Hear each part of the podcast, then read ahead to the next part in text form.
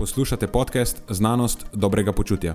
To je oddaja, v kateri odkrivamo, kako lahko znanost pomaga izboljšati vaše počutje in kako kritično razmišljanje omogoča sprejemanje dobrih odločitev na področju zdravja in fitnesa.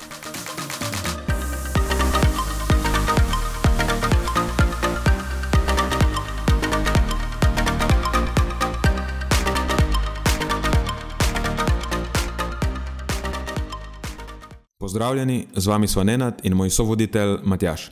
V uvodu se tokrat razgovoriva o težavah, ki jih prinaša pomanjkanje osnovnega znanja o prehrani. Predvsem v smislu, kako to naredi ljudi dovzetne, da nasedajo vsem sortam zavajajočih trditev in o tem, odkje po najnem ta težava sploh izvira. Torej, kdo je kriv, da večina splošne populacije ne pozna osnov prehrane. V drugem delu epizode pa predstaviva najprej dejavnike, ki vplivajo na ravni testosterona med staranjem, potem pa natančnost pametnih ur pri spremljanju energijske porabe, števila korakov in spanja. Preden začnemo, pa se moram zahvaliti še našim sponzorjem. Zaenkrat to še vedno ni velika korporacija, temveč zvesti poslušalci, ki nam izkazujete zaupanje in podporo s prijavo v našo člansko skupino Znanost dobrega počutja. Hvala vsem, ki s tem držite luči prižgane in omogočate podkastu, da raste in postaja še bolj kakovosten. Hvala tudi vsem, ki nas podpirate s pozitivnimi komentarji in visokimi ocenami, ter s tem, da priporočate podcast svojim znancem in prijateljem. Zdaj pa je končno čas za začetek epizode. Uživajte ob poslušanju.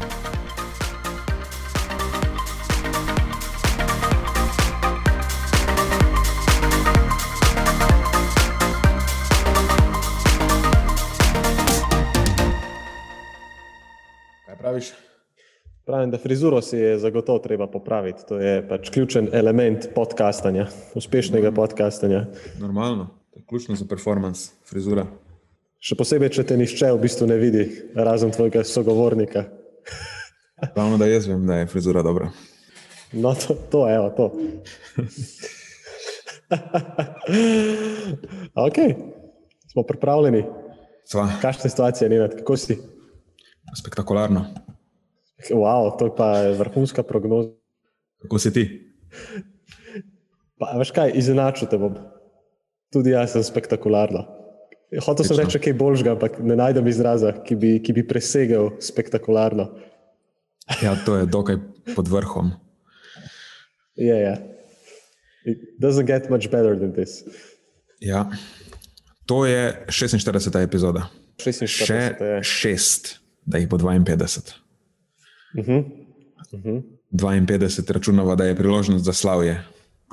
Je in uh, ponovno, ponoven povratek Marija na filozofiranje. Nismo se še odločili, sicer kakšno filozofiranje, ker vmes nas čaka še eno filozofiranje. Je tako za 48. To je epizodo. 48. Jaz sem računal, da 52 bo označilo eno leto podcasta. Uh -huh. Zdaj že planiram, da bova neprekinjeno vsak teden do takrat posnela. Jaz sem se tudi odločil. Ja, Jaz sem se tudi odločil, zdaj pač ni šans, ne spustimo zdaj žogce. Torej, a imava kak housekeeping za danes? Uh, uf, ne vem, če imamo kakšne ocene, komentarje. Ni Nekaj ocen? predlogov sem dobil za podcast, ampak jih bom prišparal za, za enega gosta, za, za Tima, ko ga bomo enkrat ponovno povabili nazaj, ker je zelo fiziološko obarvane narave in mislim, da bi to on znal odlično eh, zrihtati. Namreč govori se o, o conah treniranja in o polariziranem treningu. To je naravnost pisano njemu na kožo. Hm, vidiš, dober predlog. Se, bom, uh, se zmenila z njim. Uh -huh. Ok, ocen nismo dobili nobenih novih, oziroma nisem preveril. Mogoče sva dobila kako pet zvezdic, E, to ne vem. Vidim, vem pa, da nimava nobene ene zvezdice, nažalost, še zmeraj. Joj, Oziroma, Nažalost. ena je tista, ki ne veva, odkdaj je in kdo je dal, ker ni nobenega reviewa. ni podkrepljena z revijem, s pomembnim delom. Ja, tako da to, to se še zmeraj čaka. Jaz sem v pričakovanju za to eno zvezdico. Eh, Ne vem, no, mislim, ne vem, kaj moram še narediti. Očitno prositi Ja. na kolenih, drugače ne gre. Ja, mislim, do zdaj smo že užalili smo vse te bolj, kako bi temu rekla. Klasične uh, sekte, kulte, prehranske kulte. Tako ja, te bolj skrajne eh, podpopulacije prehranske. Uh -huh. In uh, In ne samo Ja. to, in ne samo to. tudi dalas, dali smo material drugim, kako, nas lahko, kako nam lahko vrnejo, ne? Eh, kjer smo se v tisti epizodi mi sami posipali s pepelom. Tako da, Ja, ne vem, neč v redu, mislim. nimaš kaj. Ja. Se zdaj počasi bom nehal težiti s tem, ker vidim, da ne pomaga in eh, zgubljam energijo na tem. Uh -huh. Jo, bova, jo bom usmeril raje v kaj bolj produktivnega. Pametno, pametno. A je kaj takega aktualnega pri tebi, da bi rad izpostavil? Ja, nekaj pa je, veš. Uh, Tako, malo v šali, malo za res, ampak uh, ne na vse veš, da sem ljubitelj nekaterih kvalitetno zastavljenih pre-workout oziroma booster izdelkov. Ampak naletel sem pa na nekaj tako naravnost uh, fascinantnega, vsaj meni se tako zdi, in sicer pre-workout v obliki vejpa. Okay, to se sliši zanimivo. In kaj, kako deluje, kaj je noter? Zelo dobro vprašanje. Noter, ravno berem sestavine, najdemo, dobro, se veš, te klasične. Ne? Imamo citrulin, tirozin, teanin, uh, bitrut ekstrakt, torej ekstrakt rdeče pese, taurin, uh, kofein, riboflavin, torej vitamin B2, pa še razne druge sestavine. Zdaj, kar mene malo bega tukaj je, ne? Kako za vraga se ta stvar sploh absorbira, prvo kot prvo. In pa si lahko predstavljaš, ne, neka efektivna doza citrulina se tam v, v, v nekih 6 plus gram rangih nahaja, dočim jaz ne verjamem, da je v tem vejpu, v teh kapljicah, kaj bistveno več kot par mililitrov tekočine. Tako da, recimo, Vse tukaj- skupaj. Vse skupaj, tako je. Tako da, le, recimo, tle izpostavljajo, da naj bi eh, 3 mg kofeina bi bil ekvivalent 200 mg zaužitih oralno, ampak eh, jaz se zdaj A ne spoznam toliko na to, B tudi ni nobene podkrepitve z neko literaturo, da bi lahko tako pogledal. Tako da malo sem skeptičen, malo zelo sem skeptičen, ampak ok, kaj praviš? Ja, mene manj skrbi absorpcija, ker vemo, da pljuča vse imajo neke kapacitete, da, oziroma stvari prehajajo čez pljuča. To je tudi mehanizem, zakaj so nekatere stvari toksične, zakaj se v industriji nosijo zaščitne maske in tako. Uh, bolj me skrbi sama količina, Uh -huh.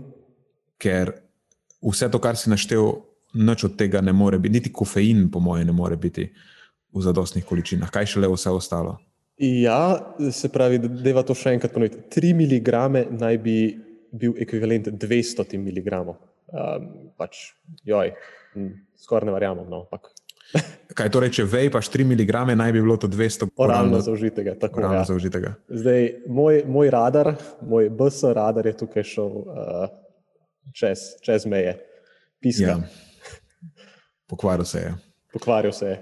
razneslo ga je. Razneslo ga je.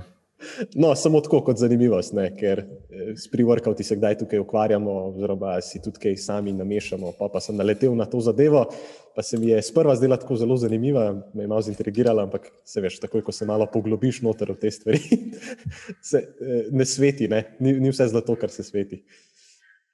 Ne vem, kako bi lahko bilo 3 mg enako 200 mg na podlagi česa. Ja, ja se strinjam. No, kakorkoli že, to se mi je zdelo zabavno, da s- pa sem hotel izpostaviti na podkastu, pa deliti s teboj, da se malo nasmejemo. Vidiš se sicer temu reče, no? da ne bom koga, uh, ne delam Zdaj sicer je- reklame, ampak ja. Ja, ne je potem delati, te bom moral cenzurirati. Eh, Dokler niso sponzorji, se ne da bi jim pustila, da so sponzorji s takimi. No, se ne more reči. Eh, Zaenkrat ne veva, ampak zdaj me prav prime, da bi šel preveriti, kakšna je ta farmakokinetika, kofeina in tako. Ampak Okay. Ideja za naslednjič. za naslednjič. Ja. Um, a veš, kaj obstaja en trend, mislim, upam, da je zdaj že umrl, ne vem, če še obstaja, teh kavnih klistirjev. A, to pa se mi zdi, jaz tega nisem že dolgo zasledil, tako da tudi jaz upam, da je to zadeva izumrla. Prej bi verjel, da tisto deluje kot tale vape.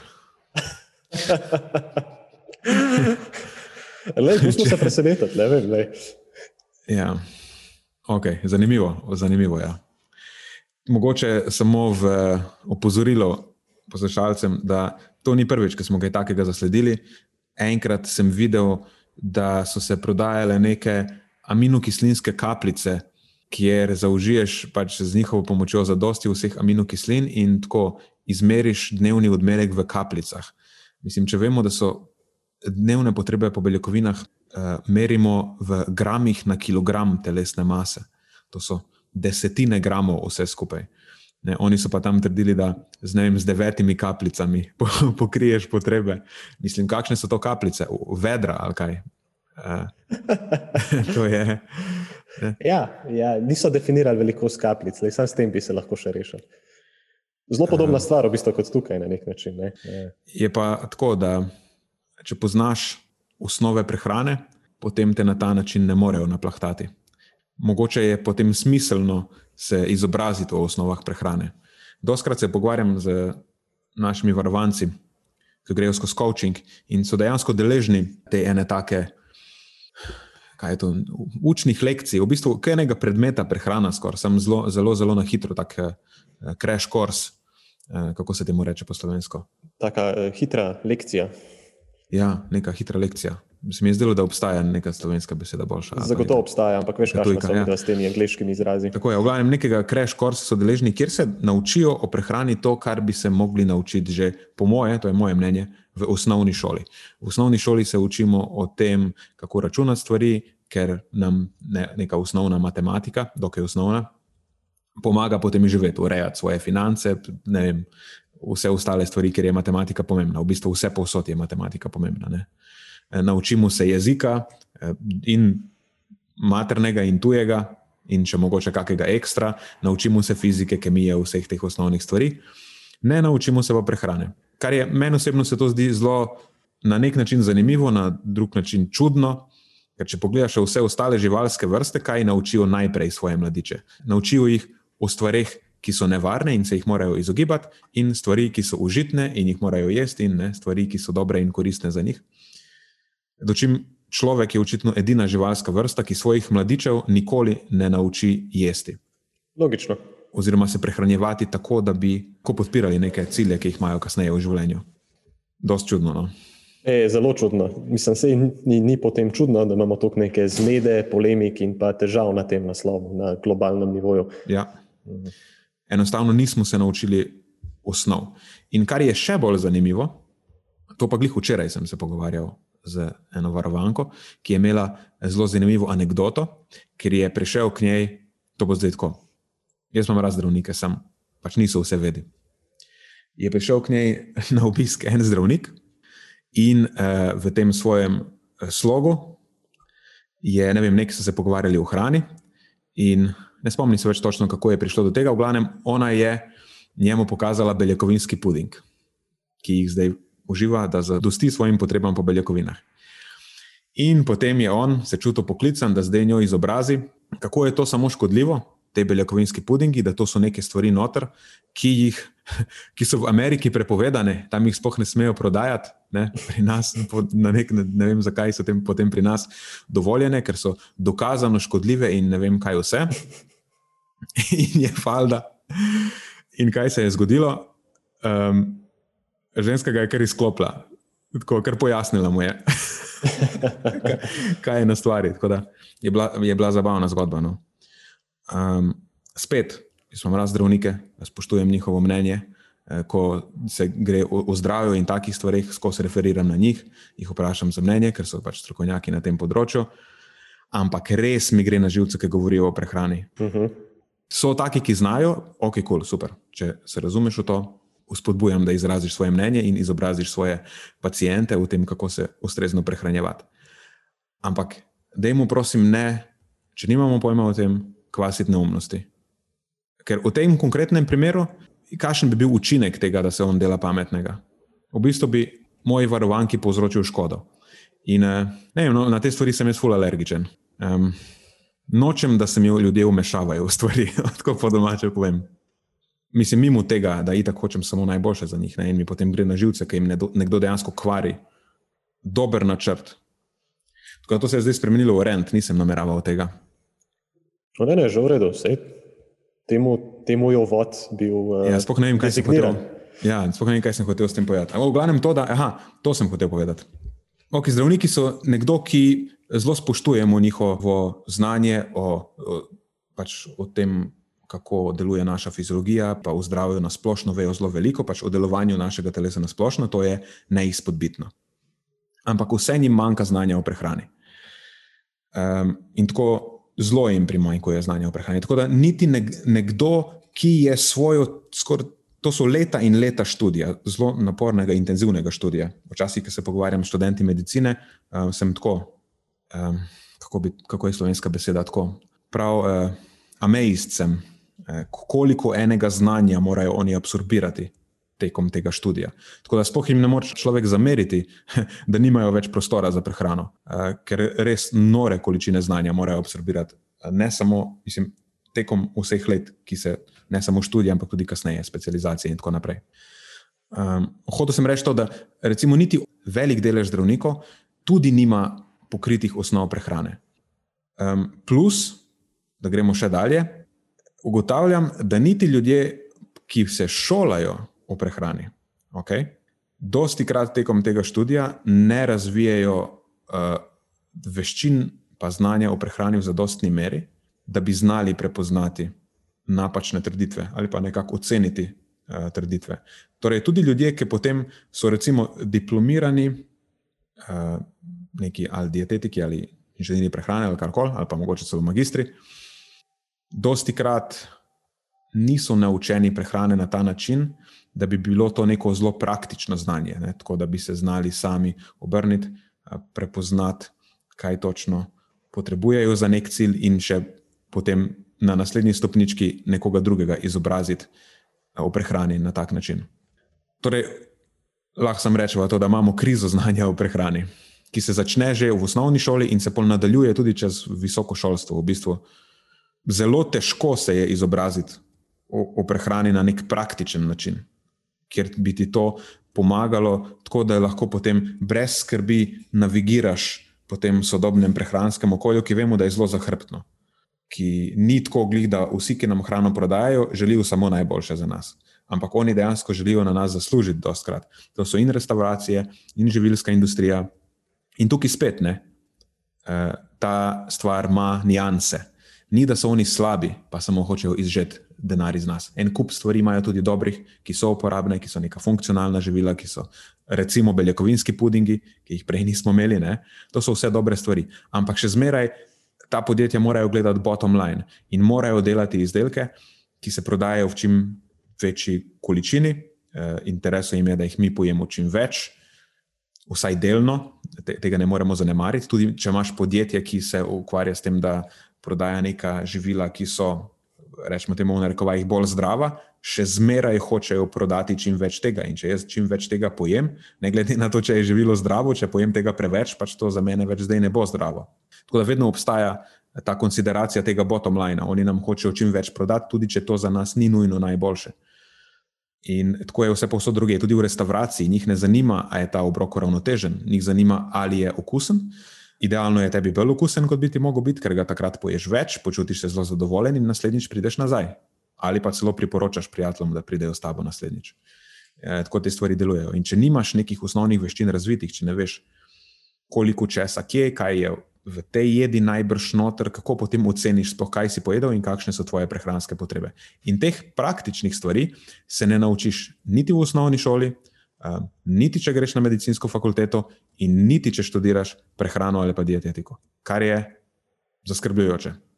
Hej, popolnoma se strinjam s tabo, Nenad. Um, mogoče ta ključen problem, vsaj tistega, ki sem ga jaz zasledil, eh, kot nekdo, ki je dal recimo, vsaj del tega šolanja pri nas skozi na, na, na stopni fakultete, se mi zdi, da pač prvo kot prvo naučimo se dobro interpretirati literaturo kot tako. Pa se mi zdi, da se nas bolj uči v tej smeri samo, um, veš, verjami na besedi, besedo nekomu in napiflaj se neke podatke na pamet. In drugo kot drugo, ne učimo se, kako, tih, kako to teoretično znanje potem spraviti, tako kot se rekel, na praktičen nivo. Mhm. Potem pogosto, ko se pogovarjam z nekom, ki recimo, obvlada teorijo, ne moram nič reči, ampak vidim, kje so potem nekakšne te pomankljivosti, ko bi probal te stvari spraviti v prakso, ki se jih ta oseba mogoče sploh ne zaveda na nek način. Ne. In podobno stvar sem sicer zasledil, zelo podoben pogovor sem imel tudi z, z bratom na nivoju fizioterapije. Čist en tak podoben primer, ne, razkol med neko teorijo in pa prakso. Ampak ja, ok, vse to. Se to v bistvu v končni fazi je tako, ne samo uh, globi problem se začne že prej, tako kot si omenil. Že v osnovni šoli bi se teh stvari morali naučiti. In uh, mi je v bistvu prav fajn, kako nas kdaj določene osnovne šole tudi povabijo, da za njih potem opravimo kakšno uh, predavanje, tarčno usmerjene v, v mlajšo populacijo. In kako zelo elegantno se da v bistvu te stvari tudi približati taki populaciji ne, na tak zelo praktično uporaben in predvsem zanimiv način. Ne, ne rabiti to nič, ki je preveč kompleksnega in zakompliciranega in ne vem, kaj še vse. Uh, tako da bi si želel, da bi, da bi bila to bolj, bolj, bolj redna praksa osnovnih šol. No? Mm -hmm. uh, mogoče bomo nekega dne to tudi doživeli dejansko. V osnovnih šolah obstaja predmet, ki se mu reče gospodinstvo. Mm -hmm. Samo moji spomini na gospodinstvo so to, da pekli smo pico, delali smo neke druge stvari, nekaj smo kuhali, in v bistvu smo se učili o tem, kako, pač kako gospodiniti, kaj pa jaz vem. Nismo se učili dejansko o prehrani tam. Uh, oziroma, tudi če smo se, nekako dvomim, da je bilo to.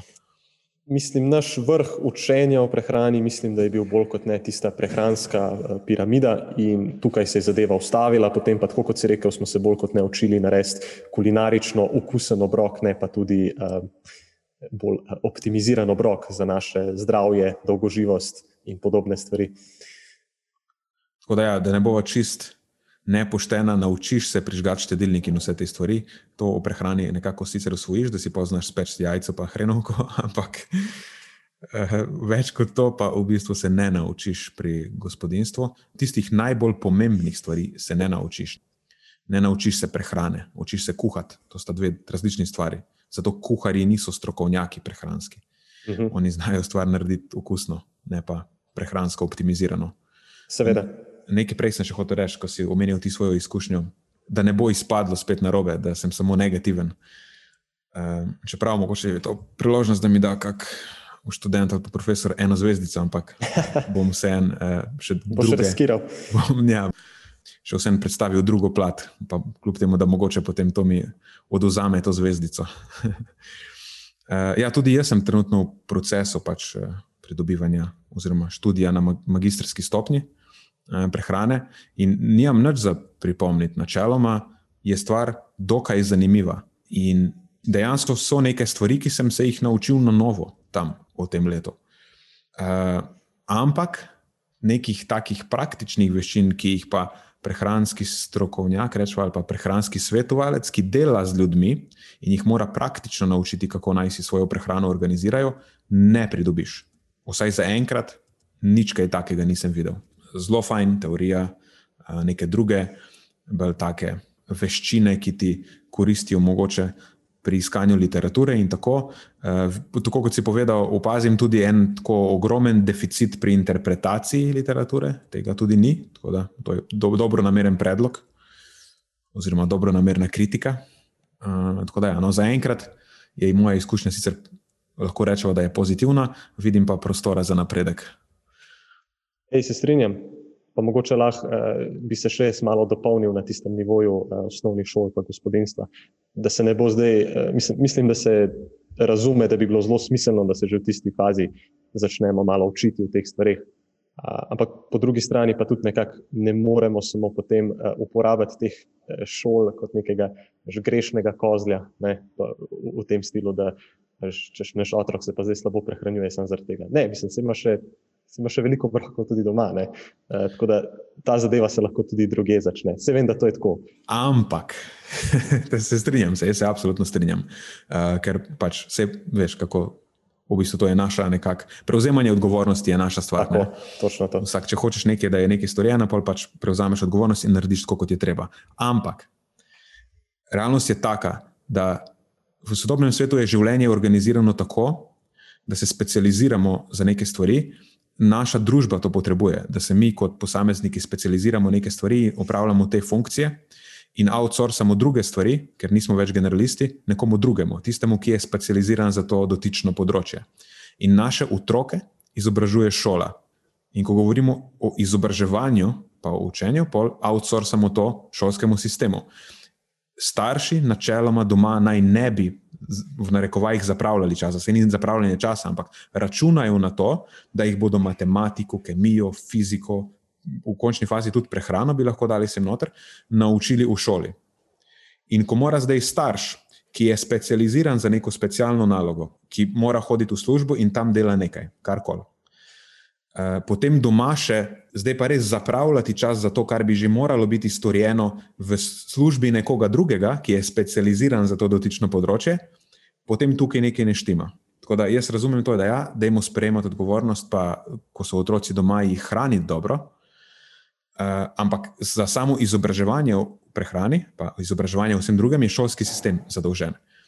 In iz tega potem lahko rečemo, da zdaj njihovi starši niso bili naučeni o pravilni prehrani. Kako zdaj naj oni poskrbijo za prehrano svojih otrok, če že v štartu nihče njih ni naučil o njihovi prehrani. Ne? Sploh nimajo že v štartu veščin. Tudi če imajo oni, vse, vsak starš ima najboljše namene za svojega otroka, razen nek majhen delež tistih delikventov, ki pač so čudni in jim ni mar za svoje otroke. Uh, v glavnem, mislim, da bi bilo to stvar smiselno nekako reorganizirati na nivoju šolskega sistema in da bi mogla biti prehrana predmet v šoli.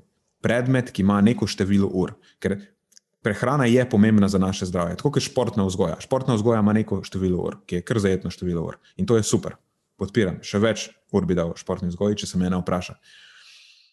Ampak nekje bi bilo potrebno najti tudi mesto za prehrano, ker je precej pomembna stvar.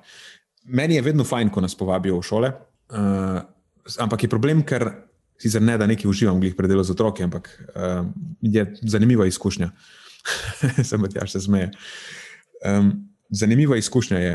Problem pa je sem ta, da je to vedno nek, tak, nek samoinicijativen projekt nekega profesorja ali pa včasih ravnateljice, ki nas je nekje spoznala. In ona zdaj nam ne more dati predmeta, veš, ni, to mora biti uradno narejeno, to mora biti nek kurikulum vzpostavljen, mora iti čez nekaj Eh, kaj pa jim preverbo, kakorkoli to pač uh, poteka, odobreno strani ministrstva in tako naprej. In potem smo mi pač samo kot neki zunani izvajalci, ki imamo neko število ur in veš, v treh urah, prvič, kaj spoh otroci pričakujejo od teh ur, ponavadi to dojemajo kot neko zapravljanje časa, ker ko so prišli drugi izvajalci, so pač tam nekaj delali, kar jim ni za nič uporabno, pa nihče jih pri tem ne preverja, niti nimajo neke, uh, nekega incentiv, kaj je to, kako je po slovensko spet.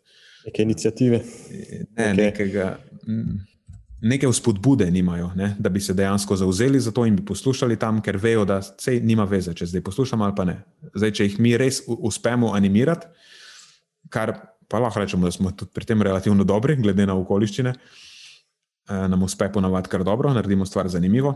Ampak vseeno ni to uraden predmet. Vprašanje je, koliko v teh parih ur, treh, štirih, petih, tudi šestih, ne vem, koliko smo imeli. Mislim, veš, v, v nekem kontekstu stotih ur šolanja so te tri ure dobesedno pljunek v morje. Tako da, mogoče, če nam je kdo z ministrstva posluša, mi dva se tukaj. Imamo že pripravljen program, vemo, kako bi se te stvari lotili, uh, da jim se zmeniti. Imamo se zmed, kje podpišem peticijo. Ja. Okay. Mislim, da to je pa bil zdaj dolg uvod. Meni je všeč, sicer vidiš, kako deliva mnenja. Ja, no, jaš, se mi je zdelo, da se bo tako bolj počasi začelo, ampak mašina se zagreje. Ne, ti si kaj en dizlaš. Veš. Najprej rab nekaj minut, da se mašina ogreje, pa pa sam gre. Ja, pa, jaz se kaj hitro grejem. Jaz sem si, hitro poklopim, ker imam dve brzini, veš, no. Noč pa. Ja. Ja, sej, sej. Nač, to se potem tudi odrazi na, na, na atletski stezi, v obliki poškodb. Sem res. To je lahko dobra stvar ali pa, ali pa negativna. Ne? To je pa čisto res. Ja. Ni neke umestne poti pri meni, to je zelo nenavadno. Človek ekstremo.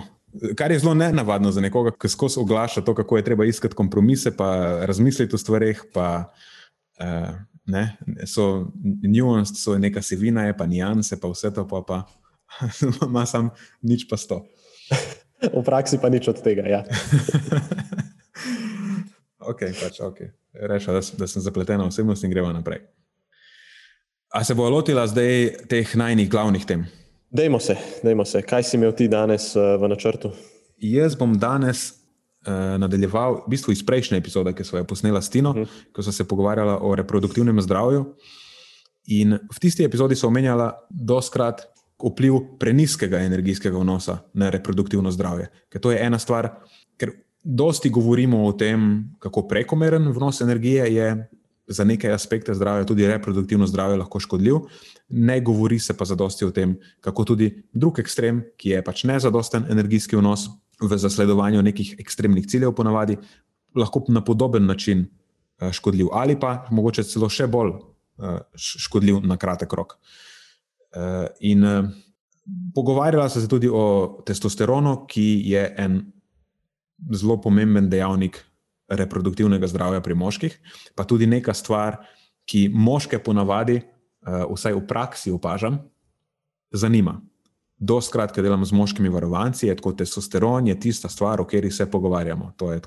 Tudi če nimajo problema s tem, o tem se pogovarjamo. ja, to je tako vedno aktualna tema. Mislim, da vsakega moškega pač zanima in si želi, da ohranja ta nivo na nekem spodobni točki, uh, ker je pač povezan z številnimi funkcijami v telesu. Ne? Tako je. In zdaj, dosti krat se tudi zgodi, da ti varovanci nimajo problema z nezadostnim energijskim vnosom, okay? ampak vseeno lahko trpijo neke uh, znake nizkega testosterona ali pa znižanja testosterona.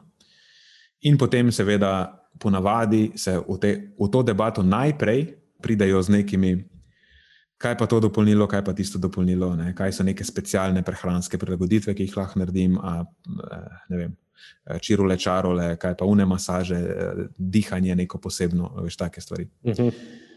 Eh, ker vse to je ali nima absolutno nobenega vpliva, pa je samo dobro marketirano, ali je marginalno pomembno in v primerjavi z drugimi pomembnejšimi dejavniki sploh ne pomembno. In potem ugotovimo nadalje, da ti ljudje, ki se ukvarjajo z malenkostmi, pa iščejo bližnjice, ponavadi teh velikih stvari nimajo v celoti zakrpanih. In če nas zanima optimizacija testosterona, potem nas zanima, kateri so tisti veliki, najpomembnejši dejavniki, ki so povezani z nižjimi ravnmi. Zdaj, ali kadarkoli, ali predvsem med staranjem. Ker sta, starost je ena stvar, ki je mogoče celo najbolj pomemben določevalec ravni testosterona. Okay? Vemo, da začne upadati, dosta hitro, mogoče bi lahko rekli, da že po 30 letu, eh, kar sicer močno dvomim, če je nekdo optimalno zdrav, ne pride do nekega upadanja hudega, že če sploh kakšnega. Lahko pa rečemo, da ko je nekdo star 60 let, pa tam potem že res začnejo stvari uh, iti navzdol, zelo občutno, ne, skoraj ne glede na to, kaj ta človek počne, kako zdrav je in tako naprej. Je pa res, da lahko to trajektorijo, um, kaj, krivuljo, nekako narediš bolj položno, če optimiziraš določene stvari, za katere vemo, da vplivajo na testosteron. In, eh, no, v bistvu o tem sem hotel govoriti v tej epizodi. Prebral sem en eh, zanimiv, relativno zanimiv članek, ampak ker sem bil že uh, primed za to, ne, ker sem se pred kratkim pogovarjal o tem, pa prebral neke druge članke, me je pač zaintrigiral tudi ta, če gre za presečno raziskavo. Eh, naslov članka je Prevalence of Low Testosterone According to Health Behavior in Older Adult Men in to so Ho, Kim in Lee 2021. Um, in je objavljen v Journal of Healthcare, ki je v bistvu ta MDPI journal, ki je to je. Multidisciplinary Digital Publishing Institute. Mislim, karkoli je, uh, ima zelo tak uh, slab track record, bi temu ja, človek rekel. Pogosto sem že zasledil kakšne sumljive članke, uh, sumljive na, na več načinov, in moram reči, da tudi ta je bil v metodah malo čuden, grafi so malo čudni, neke stvari so označene statistično značilne, neke druge stvari niso, za katere bi jaz sicer rekel, da so tudi statistično značilne. Um, ampak ok, ne, ne bova. Nima, sploh ni pomembno dejansko v neki veliki sliki. Pomembno je samo to, da me je članek sprožil, da probam nekako povzeti, kaj so tiste najbolj pomembne stvari, ki vplivajo na ravni testosterona med staranjem, na kjer je, kjer jim je smiselno posvetiti največ pozornosti, če nas zanima, kako optimizirati ta aspekt svojega zdravja. Ok, zdaj čisto na hitro, zakaj je sploh testosteron pomemben, zakaj nas zanima. Uh, mislim, da to ni neka velika uganka nobenemu. Uh, pri reprodukciji je pomemben zato, ker tudi regulira proizvodnjo sperme, um, regulira tudi željo po spolnosti, nekako ima ta učinek, da nas, da nas motivira, ponavadi so neki simptomi podobni depresiji, tudi znak z nizkega testosterona, ljudje nimajo volje, oziroma pač moški nimajo volje. Tako da um, tudi to je relativno pomemben določevalec kakovosti življenja.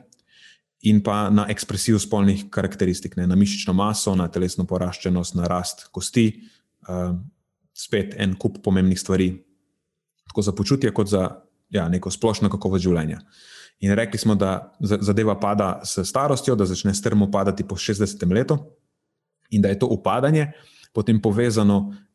Na eni točki so to problemi s spolnostjo, ne, pride do te eh, erektilne disfunkcije oziroma impotence, in pa na drugi točki s povečano umrljivostjo, predvsem zaradi presnovnih in pa srčno-žilnih bolezni. Tako da to znižanje testosterona pri moških je dejansko zdravstveni problem. Ne negativno vpliva na kakovost življenja in na, lahko rečemo, tudi storilnost polovice populacije, in poveča breme na zdravstveni sistem. Tako da tega se hočemo izogniti. Ne. V interesu nam je ohranjati čim više ravni, čim dlje časa, brez nekih farmakoloških prilagoditev. Ne. To je sicer ena pot, ampak recimo, da želimo to. Narediti na ta način, da so te ravni eh, nekako endogeno regulirane, dokler lahko. Pač, ko pa enkrat več ne morejo biti, potem pa tudi pač neke farmakološke intervencije so lahko ena izmed poti, ampak na nič ne namigujem, noben ga ne spodbujam, to pejte k zdravniku, pa se pozanimajte. okay, za kere stvari smo dokaj prepričani, ne, da vplivajo na ravni testosterona? Predvsem to so vse, vemo, dejavniki življenjskega sloga. Spanje je ena stvar, ki akutno vpliva na dolgi rok, nisem zihar. Uh, nisem mislil, da obstajajo do, dobre raziskave na tem področju, nisem jih niti šel iskat, in v tej raziskavi niso se ukvarjali s spanjem. So se pa ukvarjali z vsemi ostalimi dejavniki, za katere vemo: kajenje, alkohol, telesna dejavnost, pa telesna sestava. Ne vemo, da recimo kadilci imajo tam lahko do 10 odstotkov nižji testosteron v primerjavi z nekadilci. Vemo, da kronično uživanje alkohola je tudi povezano z neko podobno mero zni, znižanja testosterona ne v primerjavi s tistimi, ki so nekako eh, ali abstinirajo ali pijejo relativno malo. In pa eh, telesna dejavnost, vemo, da redna telesna dejavnost je načeloma povezana z višjimi eh, ravnmi testosterona. In pa seveda telesna sestava, to lahko rečemo z velikimi črkami, napišemo, ker telesna sestava je pa mogoče od vseh dejavnikov še najbolj tesno povezana z ravnmi testosterona. Vemo, da pretirana zamaščenost, tudi vemo, kakšni so mehanizmi, in pa sploh ta visceralna zamaščenost je močno povezana z, torej to je visceralna zamaščenost okoli trebuha, ne, oziroma okoli notranjih organov, je morda celo najbolj tesno povezana z znižanjem ravni testosterona.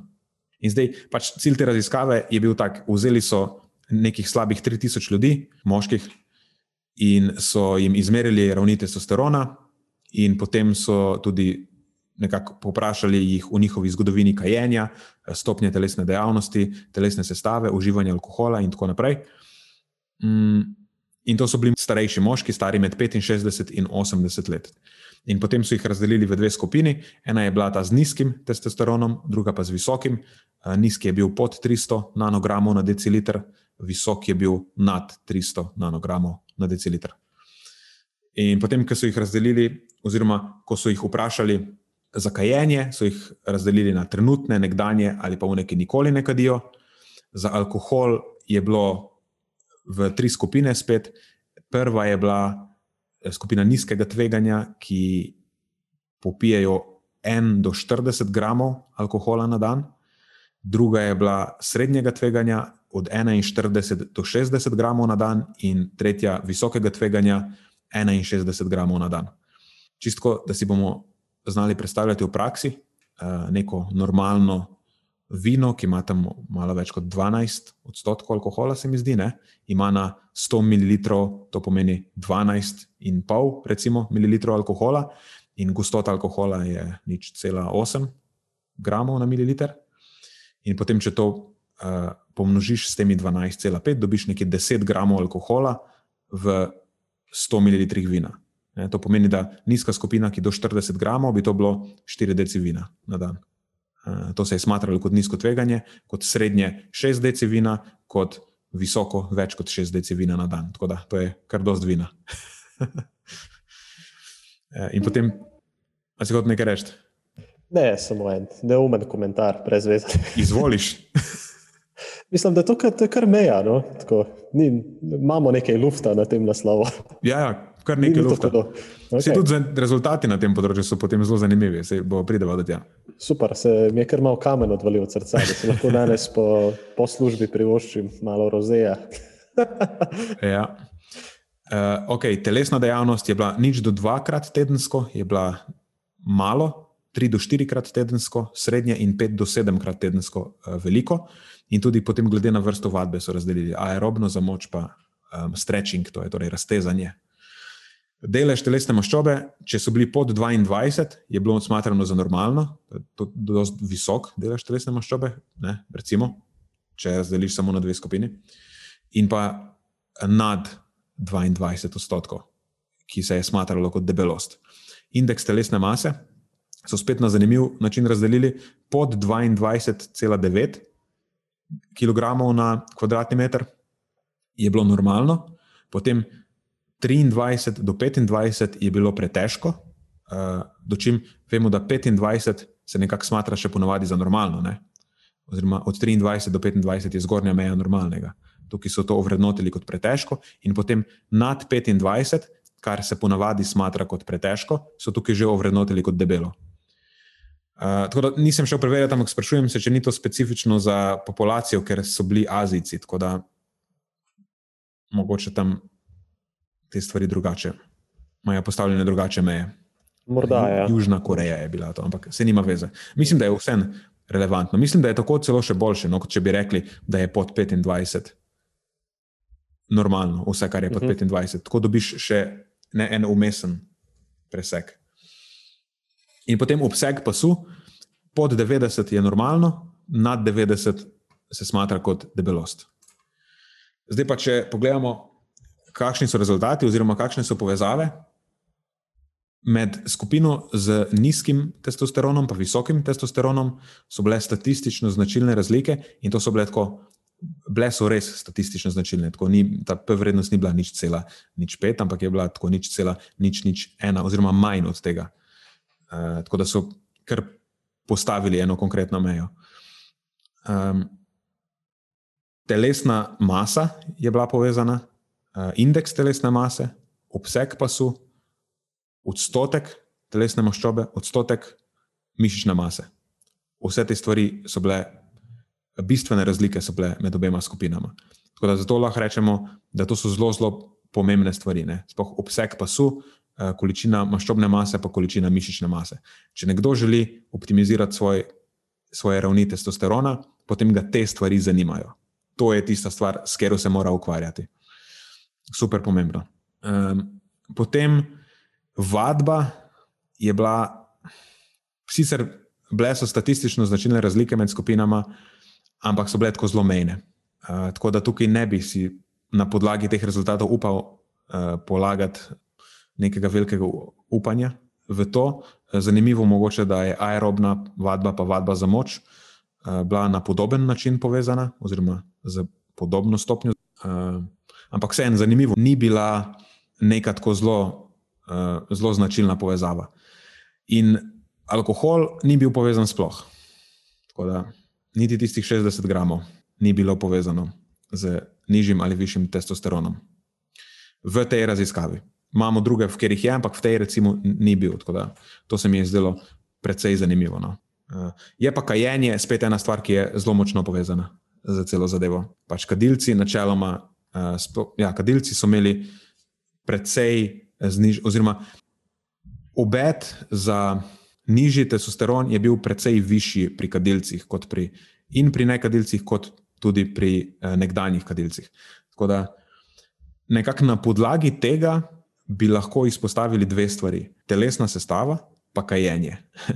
In zanimivo je to, neka stvar, ki pogosto ni urejena pri ljudeh, ki jih zanima, kako optimizirati svoje ravni testosterona in se ponavadi poslužujejo nekih drugih ali specialnih dodatkov ali nekih tehnik, takšnih in drugačnih. Ne. Pogosto potem vidim, da kadijo ali pa eh, niso upravili vsega, kar bi še lahko upravili na, podro na področju prehrane in vadbe, da bi eh, te stvari optimizirali. No. Uh, ja, vse tako kot pri kakšnih drugih stvarih, ne, ta piramida prioritet malo obrnjena na glavo. Eh, zanemarimo te osnove, pa se raje poslužimo tistega magic pila, pod narekovaj. Ja. Mm. Um, tako da tukaj lahko ena stvar, mogoče pozabil sem še povedati. Če glih vadba sama po sebi nekako ni bila pač v tem vzorcu povezana z ravnmi testosterona, bo vadba ena zelo, zelo pomembna stvar, ko govorimo o optimizaciji telesne sestave. Ne, če jaz rečem, da je v starosti dobro imeti čim večji odstotek mišične mase, potem tega ne moreš doseči drugače, kot da vadiš z premeni, oziroma da vadiš za moč. In vsekakor bo potem vadba imela nek, uh, neko vlogo pri tem. In uh, potem tudi, če, tudi, če vadba sama po sebi ni nekako zelo močno povezana z ravnmi testosterona, oziroma uh, če ni nekakšnih razlik med to skupino z višjim in nižjim, še vsem bo zelo pomembna posredno. Ne? Zaradi tega, ker drugače ne moremo optimizirati telesne sestave, kot tako, da vključimo tudi neko relativno visoko stopnjo fizične aktivnosti in posebnih modalitet vadbe. Tako da to mislim, da so najpomembnejše lekcije. No. Uh -huh. Nič kaj drugega koristnega iz tega članka ne moremo sklepati. Okay. A boš zdaj imel še en bolj pomemben segment, pa bolj zanimiv in sicer kako se zdaj v to zgodbo upeljajo farmakološke prilagoditve. farmakološke prilagoditve se upeljajo tako, da se to je spet ena zanimiva zgodba. Ko se pogovarjamo z varovanci o tem in jih zanima testosteron in ga želijo optimizirati, jih jaz vedno vprašam, zakaj jih želiš optimizirati. A imaš občutek, da imaš probleme s tem? Ker, veš, zakaj bi se ukvarjal s tem, če nimaš nobenih problemov.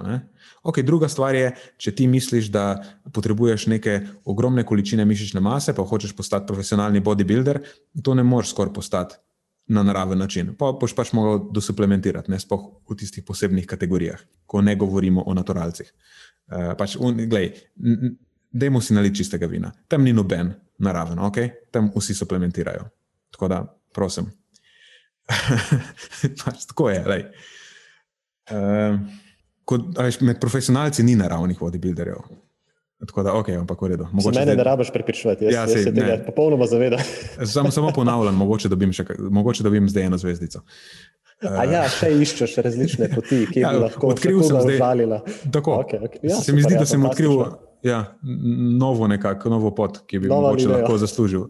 Kako eno zvezdico. Uh, kaj sem hotel reči? A ja, ok, kul. Cool. Če nima nekdo cilja v tej smeri, potem ga najbrž optimizacija zanima zato, ker čuti, da nekaj ni prav. Ali ima uh, nizek libido, ali uh, pač zjutraj ne moreš otora postaviti, ali uh, ni da dosti motiviran, občuti neke uh, simptome izmučenosti, pomankanja motivacije, depresije, kaj pa jaz vem, neke take stvari. In če nič od tega ne opaziš, zakaj potem hočeš to stvar optimizirati? Ne, ne rabiš je. Ker tudi med vsem obstaja neka normalna biološka uh, variabilnost v ravneh testosterona. Nekdo se lahko, dva posameznika lahko imata enake ravni izmerjene s krvnim testom, ampak en čuti simptome pomankanja, drugi pa se v bistvu počuti vreden milijon dolarjev. Ne? Tako da. Um, sicer zdaj že posegam na, na področje zdravnikov, pa jaz sem prej njim to zameril, ne, zdaj pa sam počnem iste neumnosti, vse v resnici ne, ne govorim, da eh, karkoli od tega delam. Jaz pa le rečem, lej, če misliš, da imaš težave, tako se ponavadi ta debata zaključi. A misliš, da imaš težave, mislim, da imam te težave, ok, super, pejt k endokrinologu. Ne, tako se ponavadi ta uh, stvar zaključi. Ni zdaj, da jaz njemu kar, karkoli tam prodajam, pa moš to, pa moš uno, pa bo tako in tisto. Lahko sicer mu povem, kaj prehransko mogoče lahko prilagodi, ampak realno, če ima težave, pol bo šel k endokrinologu, pa potem mu jaz ne morem pomagati. In mislim, lahko me kateri od endokrinologov popravi, če se motim, da tudi, ko nekoga diagnosticirajo zdaj, ali mu bodo dali ali mu bodo dosuplementirali testosteron, ni samo, da mu zmerijo ravni, pa pogledajo, ok, kul, cool, si znotraj referenčnih vrednosti, ne bomo nič delali. Ampak ga vprašajo, če je recimo nekje na spodnji meji, potem ga vprašajo, a čutiš neke simptome, ki so bi lahko bili povezani z nizkim testosteronom in, in tako naprej. In tako naprej. Ker tudi če ima nekdo nekoliko nižje, pa se počuti dobro, pač še zmeraj je znotraj referenčnih vrednosti, se zato pa obstaja range referenčnih vrednosti. In se mogoče s tem ne rabi ukvarjati. In da se s tem ukvarjaš, ko, si, ko se ukvarjaš z nečim zdravsi, v bistvu iščeš problem tam, kjer jih ni. In ti to jemljeti kapacitete. Te kapacitete bi lahko namenil nečemu drugemu, bolj koristnemu. No? Namesto da se ukvarjaš s tem, kako boš optimiziral eh, testosteron, za katerega ga že itak imaš v mejah normale, pa ne čutiš simptomov pomanjkanja, mogoče lahko več eh, nameniš pozornosti prehrani, pa vadbi in tako mogoče celo res koristno vplivaš tudi na ta aspekt. Cool.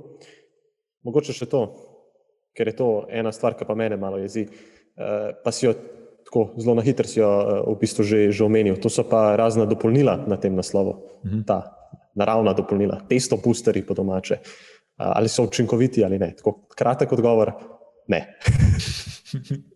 pač razne te make, tribulusi in ne veš, kaj vse ni učinkovito. Tako čisto konkretno na primeru DAA-ja, zato ker se mi zdi, da je bilo morda eno izmed tistih, um, ki je obetal največ koristi, torej ta D-aspiriginska kislina, ker je prva raziskava, ki je ven prišla, je pokazala, da poviša testosteron pri sicer zdravih moških.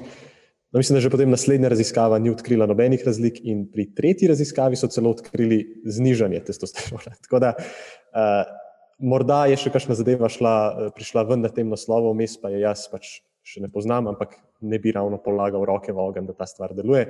Uh, in, in še nekaj bi omenil. Mislim, da je ravno ta skupina prehranskih dopolnil, torej ti testo boosteri, poleg kakšnih uh, fat burnerjev, je najbolj znana po tem, da lahko vsebuje kakšno snov, ki je ne bi smela vsebovati.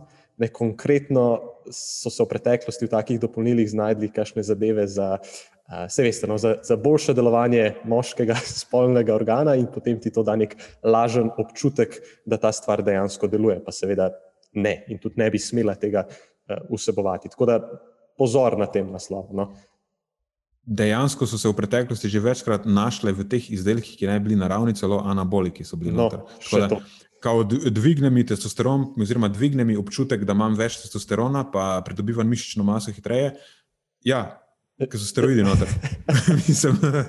ja, in to v neki, zdaj bo nekdo rekel, ja, super, pa pa dobim steroide tako po, uh, veš, po, po legalni poti na nek način. Ne, ker A, ne veš, kaj je tam noter, ne veš, v kakšnih količinah je noter in lahko, da si dobil nekaj tako zelo, zelo nesnažnega. Tako da to je zelo slabo.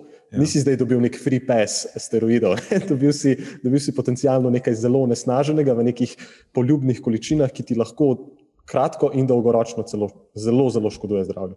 Ja, otroci ne se igrajo s tem, ker so nevarne stvari. Prvič, imajo lahko negativen učinek in na presnovno zdravje, mislim na jedra, pa na srčno-žilno zdravje, um, in drugič tudi na reproduktivno zdravje v končni fazi, ker stvari, če jih suplementiraš, se endogena produkcija izklopi. Tako da, spoh, če nisi ustrezno prilagodil nekih drugih stvari.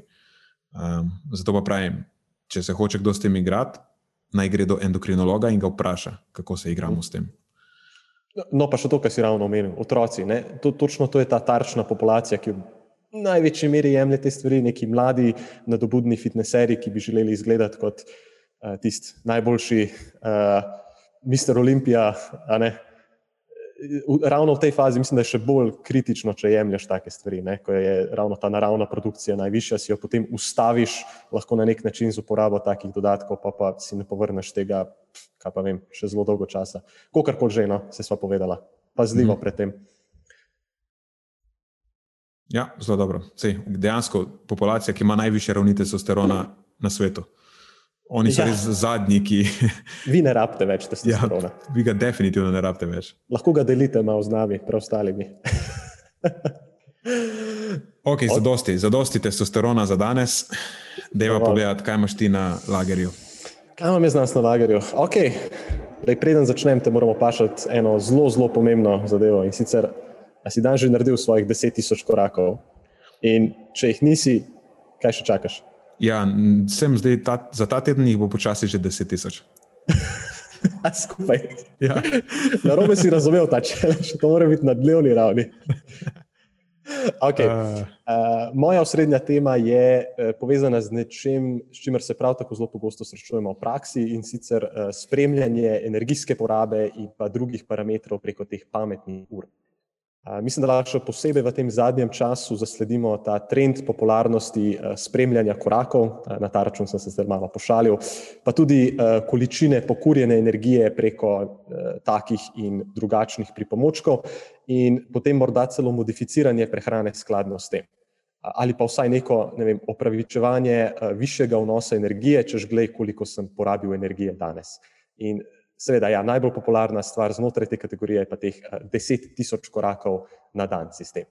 Tako da najprej sem si zadal, da si pogledamo en članek na to temo, potem bi pa poskušal vse skupaj spraviti nekako v, v prakso oziroma v nek kontekst, ne, kakšne so pasti, v kakšnih situacijah je ta stvar morda celo lahko koristna in tako dalje. In ta uh, konkretna raziskava, ki jo imam v mislih, je sistematični pregled literature, narejen leta 2018 strani Fehana in sodelavcev, naslovljen uh, Accuracy of Fitbit Devices, a Systematic Review and Narrative Synthesis of Quantitative Data. Skratka, gre se za sistematični pregled literature iz najrazličnejših uh, podatkovnih baz, uh, Google Scholar, PubMed um, in tako dalje. In v tem sistematičnem pregledu jih je konkretno zanimalo, kako natančne so te Fitbit uh, merilniki v spremljanju števila dnevno opravljenih korakov v energijski porabi pri različnih tipih športne aktivnosti in pa pri merjenju samega spanja. In zadeva je bila narejena na vzorcu 67 različnih raziskav, ki so bile narejene na, tako na prosto živečih posameznikih, kakor tudi v laboratoriju, tako da so lahko delali tudi neke primerjave na teh dveh naslovih. Skratka, gre se za, zgolj za Fitbit merilnike, torej Fitbit merilnike specifično, ampak je pa to eden izmed največjih ponudnikov tovrstnih naprav na tržišču in mislim, da zajema približno 20 odstotkov celotnega tržišča, konkretno pri teh merilnikih. Tako da mislim, da ponazarja kar en tak dober arhetip takih merilnikov. Ne. No, in uh, ključne ugotovitve raziskave so bile sledeče in sicer, da so bile te Fitbit aparature natančne približno 50 odstotkov časa, kar se tiče spremljanja števila korakov, s to tendenco, da so običajno te naprave precenile število opravljenih korakov v prosto živečem settingu napram testiranju v laboratoriju. Tako da, po domač povedan, število korakov, ki nam jih taki pripomočki pokažejo, so približno 50 odstotkov natančni. Nekateri bolj, nekateri manj, čisto odvisno od merilnika in od settinga. Potem naslednja zanimiva stvar je bila ta, da, eh, da so Fitbit in pa podobne te aparature se konstantno izkažejo kot nezanesljive pri poročanju porabe energije in to skozi celoten spektr različnih telesnih aktivnosti, ne, od tistih bolj visoko intenzivnih do malo manj intenzivnih in dalj časa trajajočih aktivnosti. In ta podatek se mi zdi morda celo najbolj pomemben za upoštevati v praksi, ker tukaj naletimo na največ težav. Um, in pa um, natančnost teh Fitbit naprav so v tem kontekstu merili proti uh, pospeškometru kot standard. In ja, to je pravilni slovenski izraz, ki sem ga danes sem se ga naučil strani kolega strojnika. in uh, rezultati so v določenih segmentih proti temu pospeškometru kot standardu varirali vse med uh, 40 pa 600 odstotkov. Izjemno ogromna, ogromna razlika v podcenjenosti oziroma precenjenosti na obeh naslovih. Ne. Potem tretja točka, e, te e, Fitbit ure so bile dokaj zanesljive pri poročanju same dolžine spanca in pa časa preživetega v posteljah, ampak vsi ostali podatki na tem naslovu pa so vprašljivi, recimo vem, čas preživeti v rem spancu in podobno. Ne. E, sicer so bile tukaj vključene zgolj tri raziskave, tako da težko nekaj zelo natančnega ekstrapoliramo ven iz tega, ampak Ok, mislim, da lahko rečemo, da tudi na tem naslovu niso ravno najbolj koristne, ker če te pa zanima, koliko časa si preživel v posteli, lahko to ugotoviš tudi na kakšen bolj enostaven način, kot pa da potrebuješ merilnik, ne? samo pogledaš, kdaj, kdaj, za, za kdaj si si nastavil svojo budilko za naslednji dan. Ja, ali pa pogledaš, kdaj si šel spat, pa kdaj si vstal iz posle. Evo, en tak precej bolj enostaven sistem, kot da si moraš Fitbit uro nakupiti, ampak ok. Uh, meni lahko, se- ja. lahko, sem, ker se mi zdi pomembno izpostaviti to. Seveda, kar poj. Včasih pride do, ljudje si kupijo te ure za spremljanje svojega spanca, ker jim merijo tudi uh, faze spanja in tako naprej. Boj da, če glih tudi tukaj so zelo mešani rezultati, kako zanesljiva je ta zadeva. In potem začnejo se obremenjevati s svojim spanjem in s kakovostjo svojega spanja. In uh, ugotavljamo, da to vpliva v praksi dostkrat, sploh za nekoga, ki je ta A-type personality, pa se za vse sekira in se začne neurotično ukvarjati s svojim, spanjem, dočim prej sploh ni imel problema s spanjem, zdaj pa ker naenkrat ne spi več dobro, pa uh Mhm. -huh. ne štimajo mi te faze, pa une faze, pa rem spanja nimam za dost. E, in tako da včasih je res, pač manj je več. Ne. Kdaj si šel spat, koliko časa si rabil, približno, da si zaspal, kdaj si vstal, kako si se počutil, mislim. Ja, poenostavimo si malo stvari. a Veš, se, se popolnoma strinjam. Ne rabimo vsega, za vse uporabljati te neke moderne aparature, brez veze. Ja. Samo sekiramo se potem. Uh, se strinjam, ja, good point. Um, zdaj, še ena točka, ki bi se meni osebno zdela zelo zanimiva, bi bila recimo natančnost srčnega utripa, eh, tega pa nažalost v tem konkretnem pregledu literature niso spremljali, tako da to točko lahko kar uh, spustimo. Okay, zdaj pa mogoče na hitro probo postaviti te stvari malo v kontekst, uh, ker prvo kot prvo jaz nisem nek uh, goreč nasprotnik spremljanja korakov in porabe energije preko takih naprav. Uh, ampak ta predstavljena raziskava je samo ena izmed mnogih, ki nam nakazuje en in isti trend, in to je, da pač te naprave niso natančne, oziroma so zelo, zelo daleč od natančnih rezultatov in zelo, zelo pogosto precenijo tako količino pokurjene energije tekom telesne aktivnosti, kakor tudi število dnevno upravljenih korakov. In mislim, da smo zdaj na tej točki na enem takem eh, razpotju. Uporaba takih naprav je lahko čist ok, lahko je pa problematična. In problematična se mi zdi v tem kontekstu, če jemljemo te številke, ki nam jih dajo te merilniki, kot 100% natančne, in potem posledično pojemo več energije na ta račun, ne, na nek način poskušamo uh, zaužiti dodatno porabljeno energijo, kar bi bilo sicer čisto ok, če bi bile te naprave natančne, pa niso, kar smo zdaj ugotovili. In ne moram vam povedati, koliko se nam je zgodilo v praksi, da nam je nekdo govoril ne vem, o tem, kako pač ne, vem, ne, ne more shujšati, ne razume zakaj, uh, ko pa porabi tisoč in več kalorij z nekim sprehodom na šmarko. A Ne, pa se zdaj si ja lahko prvoščem celo pico ali pa še kaj hrane. Ne, si porabil toliko energije, po vsej verjetnosti si porabil več kot polovico manj tega. Ne. Spet ne govorim tega iz nekega stališča, da komu tiščim prst v uč, ampak ljudje smo načeloma znani po tem, da po eni strani močno precenimo naš dnevni energijski, dnevno energijsko porabo in po drugi strani tudi močno precenjujemo našo, oziroma podcenjujemo našo, naš vnos. Ne. Tako da ta stvar je tudi zelo dobro dokumentirana in tudi nekaj, o čemer smo v bistvu že se pogovarjali z Nenadom na tem podkastu. No, ampak po drugi strani pa lahko uporaba takih in podobnih pripomočkov pač čisto ok, oziroma ni problematična, če se prvo kot prvo zavedamo, da te številke niso 100% natančne in se potem ne naslanjamo pretirano na njihovo natančnost, in predvsem ne poskušamo zauziti, zaužiti nazaj te pokurjene energije, ki nam je te naprave pokažejo. In mogoče raje koristimo te naprave, te podatke v kontekstu spremljanja nekega trenda aktivnosti, ne, ki nam morda lahko lažje pomaga uravnavati telesno maso.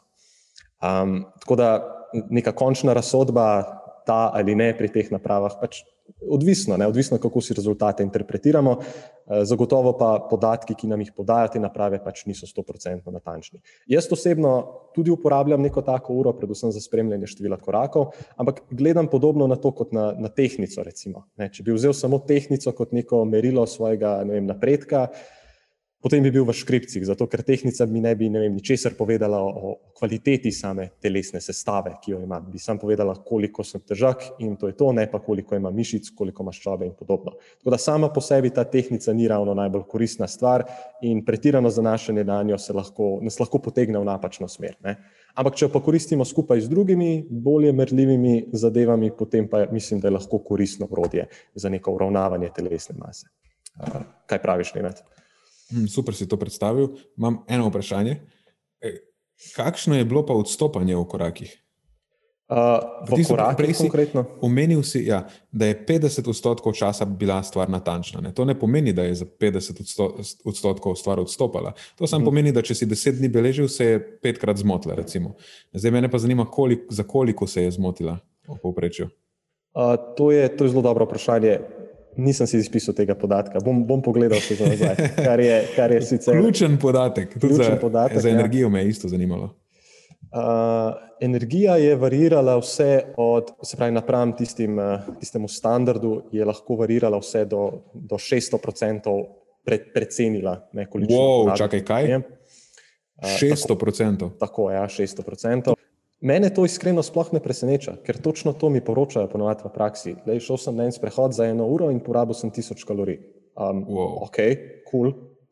V katerem svetu? Kakšna je pol to ura? Kakšna je gravitacija v tem svetu, ker jih je više kot na planetu Zemlja. Mhm, Zanimivo. Podobne imam izkušnje, ampak ne tako ekstremne. Recimo mi, zato, ker ponavadi jim rečem, ne mi govoriti, koliko kalorij si porabil na sprehodu, ker je nerelevantno. Eh, je pa res, da včasih se pogovarjamo o tem, koliko energije porabijo na nekem treningu. Je ponavadi res precenjeno, se mi zdi. Ne? Jaz bi ocenil njihovo aktivnost za nekih 400 kalorij, takrat pa je ura pa poroča tam 600 ali kaj takega, mogoče včasih malo več. Eh, ja, tako da mogoče čisto od aktivnosti. Ne? Uh, po mojem, tudi vem. od aktivnosti odvisno, zagotovo. Um, ne vem, se, se pravi, tukaj so bile zdaj te Fitbit ure v igri. Mm. Čisto možno, da so kakšne zadeve na tržišču malo bolj uh, natančne. kot, kot te konkretne. Ne. Um, ok, super.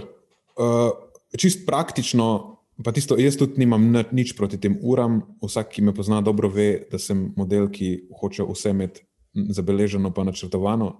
Tako da sem tudi sam v bistvu fan tega, ampak moramo pač priznati, da so te stvari nenatančne in ne, ker če vnašamo nenatančnost v svoje podatke, pa, pa je ne upoštevamo te nenatančnosti, potem so naši podatki za nič in moramo to stvar eh, nekako okomponirati v svoj model. Tako da tudi jaz uporabljam, zdaj sicer ta moment ne, ampak imam rad stvari izmerjene, tudi ure sem v preteklosti že uporabljal, eh, tudi moji varovanci, če ugotovim, da so tak tip, ki jim to sede in jim pomaga, uporabljamo razne metode, ne samo ure, Eh, tudi s telefonom lahko meriš, tako, ki je sicer še manj natančen, ampak se v končni fazi, tako kot si povedal, spremljamo trend. Tudi če pokaže ura, da nekdo na šmarko porabi 1000 kalorij, okay? in če mu skozi kaže 1000, vse to ne pomeni, da jih je porabil res 1000, ampak to je pač neka enota, ki jo zdaj lahko spremljamo. Če jaz opazim, da naslednji mesec eh, ta isti model začne porabljati 600 kalorij, spet je to neka enota. Sej ni nujno, da je realno 600 kalorij, ampak očitno je 400 teh enot, kakršne koli že so, zdaj razlike. Pomeni, da je znižal svojo telesno dejavnost skoraj za polovico v bistvu. In to je lahko nek signal, da moramo stvari spremeniti. Ali prilagoditi energijski vnos, ali ga povprašati, kar, kaj se dogaja, ali lahko spet povečamo telesno dejavnost na prejšnjo stopnjo in tako naprej. Uh, moramo biti praktični in pragmatični in moramo vedeti, kaj merimo in kaj ti podatki pomenijo. In na ta način se lahko ta ura s pridom uporabi in je zelo koristno orodje, lahko pa, tako kot si povedal, je zelo za nič orodje, če je ne znaš uporabljati in misliš, da lahko po enem sprehodu na šmarku poješ celo pico. in še eno vprašanje, ki se pojavlja v zvezi s to temo, je, ali lahko pojem te kalorije, ki sem jih porabil, ki mi jih kaže ura nazaj.